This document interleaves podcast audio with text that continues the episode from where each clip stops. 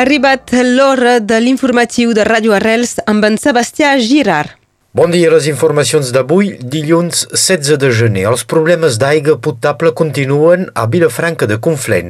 Per bé que l'aigua arribi ara a l'aixeta, gràcies a un sistema de filtració i captació de la ribera, els veïns de Vilafranca encara han de beure aigua d'ampolla. La situació dura des del novembre passat, quan una canalització soterrada va cedir. A uns 35 metres de profunditat, al pou de les Arels, la font principal d'aigua que alimenta el vilatge, platja és totalment seca. Les obres necessàries per tornar a alimentar Vilafranca són colossals i no seran acabades abans del mes de març, ja que cal tornar a instal·lar una canalització de més de dos quilòmetres.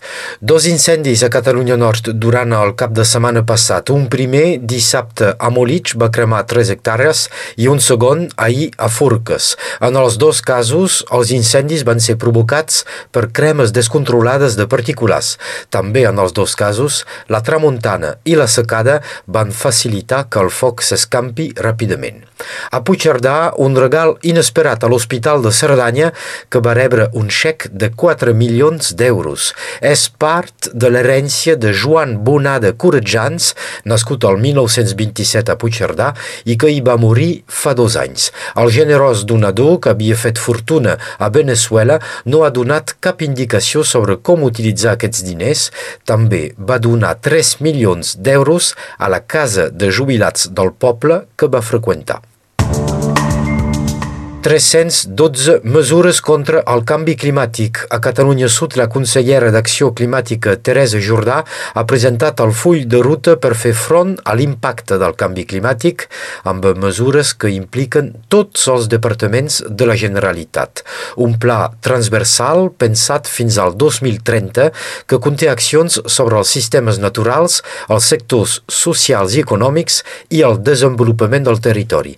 Entre l'enorme paquet de mesures destaca la creació d'una assegurança pública per fer front a l'impacte de l'emergència climàtica.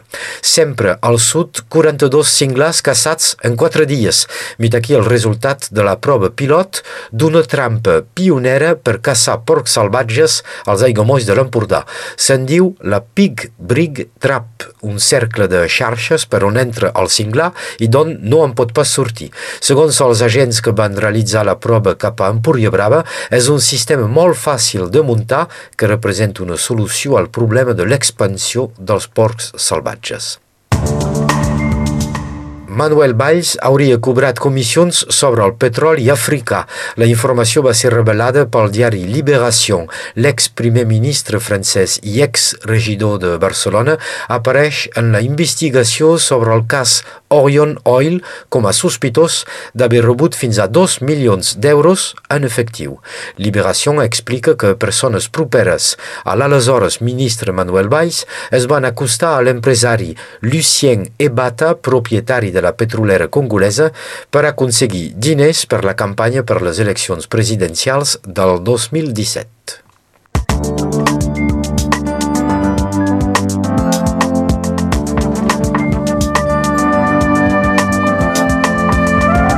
Moltes gràcies, Sebastià. Passem ara a l'informació del temps amb Meritxell Cristòfol.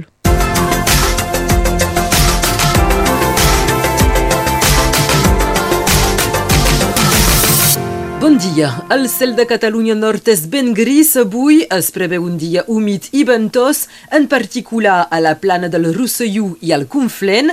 Hauria de caure 1,7 mil·límetres d'aigua a la capital, amb ràfegues màximes que haurien de bufar a 60 km per hora. Aquesta tarda se preveu també nevades a Cerdanya i al Capcí. Pel que fa a les temperatures, aquestes són clarament a la baixa, 8 graus a Perpinyà, al Barcarès i a Toulouse, Toluges, 6 a Serret, 5 als Banys i a Prada, 2 a Enveig i menys un grau a Muniuís i a Puigbeledor. Aquesta tarda el sol se pondrà a les 5 hores i 41 minuts i avui celebrem Sant Marcel.